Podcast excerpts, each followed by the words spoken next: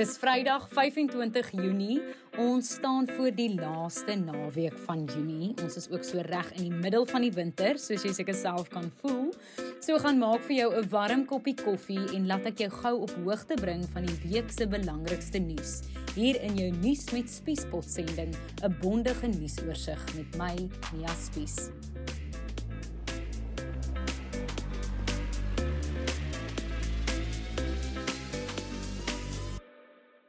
Dit was 'n besige nuusweek gewees. Almal hou natuurlik asem op oor wanneer die president weer die nasie gaan toespreek.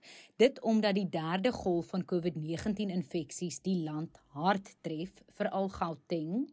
Strenger inperkingsmaatreëls word glo oorweeg. Dan is duisende onderwysers hierdie week ingeënt en wetstoepassingsbeamptes is glo volgende in die tou om ingeënt te word. Ons maak ook 'n draai by die Zondo-kommissie en ook in die hof waar Magashule sy skorsing betwis. Dan laastens speel ek vir jou die oorwurm wat Cyril se gesteelde iPad voorgesorg het hierdie week. Maar eers hoofnuus en dit is die derde vlaag van COVID-19 infeksies. Op 'n enkele dag hierdie week is meer as 17000 nuwe COVID-19 infeksies aangemeld. Veral in Gauteng het hierdie derde vlaag verskriklik hard getref. Gauteng sorg vir amper 2/3 van die nuwe daaglikse infeksies. President Cyril Ramaphosa het vroeër hierdie week gesê daar word dringend ingegryp veral in Gauteng. The deployment of more medical personnel is obviously one of the things we need, as well as hospital beds. And I know that uh, they are opening up uh, as many hospital beds as they possibly can. And of course, the challenge of uh, uh oxygen availability and ventilators is another one. So we, we are involved in a very, very serious uh, situation in relation to the pandemic in Gauteng. Ramaphosa het gesin speel dat strenger maatreëls ingestel kan word. Hierdie saak word deur die nasionale koronavirusbeheerraad bespreek. The issue of uh, moving on to another level is a matter that is going to be discussed by the NCCC and the NCCC will meet and make recommendations and uh, clearly uh, there seems to be indications that we've got to uh, increase the measures uh particularly in Gauteng. Intussen het Dr Mary Kawonga, die voorsitter van die Gautengse COVID-19 bevelsraad, aanbeveel dat hierdie provinsie 'n kombinasie van vlak 3 en vlak 4 inperkingsmaatreëls moet kry. The recommendations we've been making um to the provincial coronavirus command council and the premier is that level 5 is way too stringent and it will have a disastrous effect on the economy and people's livelihoods. And also, it's quite late in the pandemic trajectory to expect to see a big impact. And so, one of the things we've been proposing is perhaps a, a, hybrid of existing level 3 measures together with some level 4 measures in one, if possible. Ek het vir die pulmonoloog Dr. Dante Plekker gevra tot watter mate strenger inperkingsmaatreëls op hierdie stadium kan help. Ek dink strenger inperkingsmaatreëls sal ongetwyfeld kan help. Die vraag is net of ons dit of ons ekonomie dit nog enigstens kan bekostig op hierdie stadium. Ek dink as dit moontlik is om 'n beperking te plaas op enige vorm van byeenkomste sal dit definitief kan help en dink verder moet mense net soveel as moontlik aangemoedig word om enige onnodige kontak met enige ander mense te vermy. Intussen is meer as 2 miljoen landsburgers nou al ingeënt.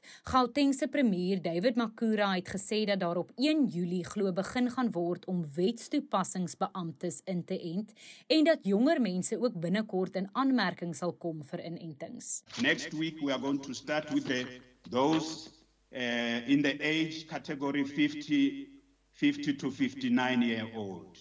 Uh, we, are go- we are going to start with them next week, uh, vaccination. And I know some of them are in here uh, because those who are 60 years and above in this legislature should have taken their vaccine by now. Uh, those who are 50 and 59 will be following. Uh, uh, and, and we, as quickly as we do these other categories, we are also going to be moving to those in their 40s. Dit moet egter nog deur die nasionale departement van gesondheid bevestig word. Dan het die departement van basiese onderwys natuurlik hierdie week met die inenting van onderwysers begin. Duisende onderwysers het die enkeldosis Johnson & Johnson en stof ontvang. Die minister van onderwys Angie Motshekga het gesê die doelwit is om al die onderwyspersoneel teen 8 Julie in te ent. Die minister het ook gesê hierdie week dat skole nie nou gaan sluit nie, maar dat die situasie deeglik gemonitor word. In the information that we collected, 100 schools were reported to have been disrupted, with the majority of them being in Gauteng. And we're saying we have 25,517 schools. 100 schools were, were, were, affected. So 25,400 and something schools were stable. And we just felt on the basis of facts, there would not be any ground for us to go for a whole, wholesale school closure. In ander groot nuus hierdie week het die president aangekondig dat 'n nasionale hawe-owerheid as 'n onafhanklike filiaal van Transnet gestig gaan word. Hierdie nuwe entiteit sal ook sy eie raad hê. Ramaphosa het gesê die belegging is deel van die regering se pogings om ekonomiese hervorming aan te bring. The reforms that we've spoken about are necessary to modernize as well as to transform our network industries to increase the efficiencies that we need to reduce costs and to make our exports much more competitive. Nou gaan maak ons gou weer 'n draai by die Zondo-kommissie van ondersoek na staatskaping. Voormalige minister Malusi Gigaba het sy getuienis voor die kommissie hierdie week afgesluit. Hy is deur die getuienisleier advokaat Anton Meiburg gevra hoe hierdie staatskaping van miljarde rande ongesiens kon verbygaan terwyl hy minister was en dit was sy antwoord. It's improbable that you didn't know Mr. Garber because this looting was not being conducted by some unknown entity. It was being conducted by the Gupta brothers, one of whom was your friend. You were part of this Gupta environment. Chairperson, I have re responded uh, to this before that I knew Mr. Ajay, and there are many people that we all know, and many get involved in wrongdoing. And knowing a person doesn't make you complicit in their wrongdoing if they are involved in wrongdoing. Dan poog die geskorste sekretaris-generaal van die ANC, Ysmagashule, ook in die Hooggeregshof in Johannesburg hierdie week om sy tydelike skorsing tersyde te stel. Groot skares het ter ondersteuning van hom by die hof saamgekom. Advokaat Dali Mpofu tree namens Magashule op en sy hoofargument handel oor die grondwetlikheid van die ANC se reël wat bepaal dat lede wat van ernstige misdade beskuldig word op sy moet staan. Die politieke ontleder professor Dirk Kotse verduidelik. Die saak van Ysmakashule teen die ANC is eers onderbreek deur drie ander sake wat hulle beannig by sy saak. Dit is egter deur die hof uitgegooi omdat dit nie dringend genoeg was nie. Maar Magashule se advokaat Dalian Pofu het probeer om 'n saak te stel dat die ANC se besluite teen hom ongrondwettig in terme van die nasionale grondwet is omdat die besluit om Magashule te skors beteken dan dat teen hom opgetree word voordat hy beskuldig bevind is. Hierdie argument gaan moeilik aanvaar kan word omdat skorsing 'n algemene praktyk in die arbeidsreg is. Dan na Gugulethu in Kaapstad waar 8 mense doodgeskiet is by 'n skietvoorval by 'n huis. Familielede was glo besig met 'n tradisionele dankseggingsseremonie toe gewapende mans uit voertuie op hulle losbrand.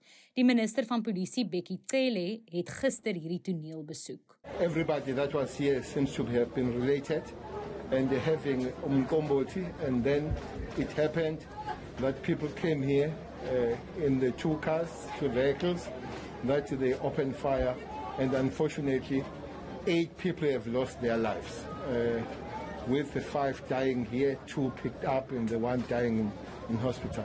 Dan het goue storie wat ons laasweek oor gepraat het en dit was dat mense gestroom het na KwaGlatsie naby Lady Smith in KwaZulu-Natal op soek na diamante na 'n oënskynlike diamantfonds daar. Wel geologiese en mynboukenners het egter gesê hierdie blinkstene is nie diamante nie, dit is kristalle en dit is bevestig nadat die klippies ontleed is. Nou hopelik vir die laaste keer oor die 10 ling debakel, die redakteur van Pretoria News, Piet Rampedi, het om verskoning gevra vir sy kollegas by Independent Media Groep nadat 'n storm losgebars het oor sy omstrede storie oor die sogenaamde 10 ling wat in Tembisa gebore is. In sy verskoning sê Rampedi dat hy meer kon gedoen het om die feite van die storie na te gaan, Maar hy staan by Josiame Sitoli se weergawe dat sy vroeër hierdie maand geboorte geskenk het aan 10 babas wat 'n wêreldrekord sou wees. Maar die Gautengse regering sê 'n mediese ondersoek is uitgevoer en daar is bevestig dat Sitoli nie swanger was of onlangs geboorte geskenk het nie. Hulle beplan ook nou om vir Ampedi en die media groep te dagvaar. Dan laastens het 'n video van president Cyril Ramaphosa wat tydens 'n regstreekse media-konferensie by die Kaapstad hawe sy iPad glo misplaas het soos 'n veldbrand op sosiale media versprei. So die president kon nie sy toespraak begin nie omdat hy nie sy iPad kon kry nie en hy het geskerts dat sy iPad gesteel is.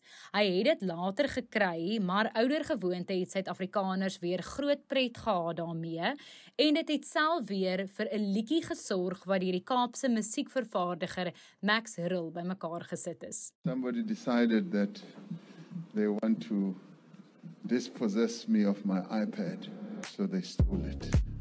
They stole it. They stole it. Can I have my iPad, please? Nou dat jy weet wat aangaan in die wêreld om jou, is jy reg om naweek te gaan hou. Deel asseblief hierdie potsending met ander mense op Facebook of Twitter of selfs op WhatsApp. Kopie net die link in die plasing sodat hulle ook die korrekte inligting kan hê. Nuus met Spiese se produksie in samewerking met die Potgooi Produksiehuis Volume. Ons vervaardigers is Roland Perols en Andy Siwe May en ons kenwysie is soos altyd deur Curtis Kahl gekomponeer. Bly warm hierdie naweek. Ons gesels weer in Julie maand.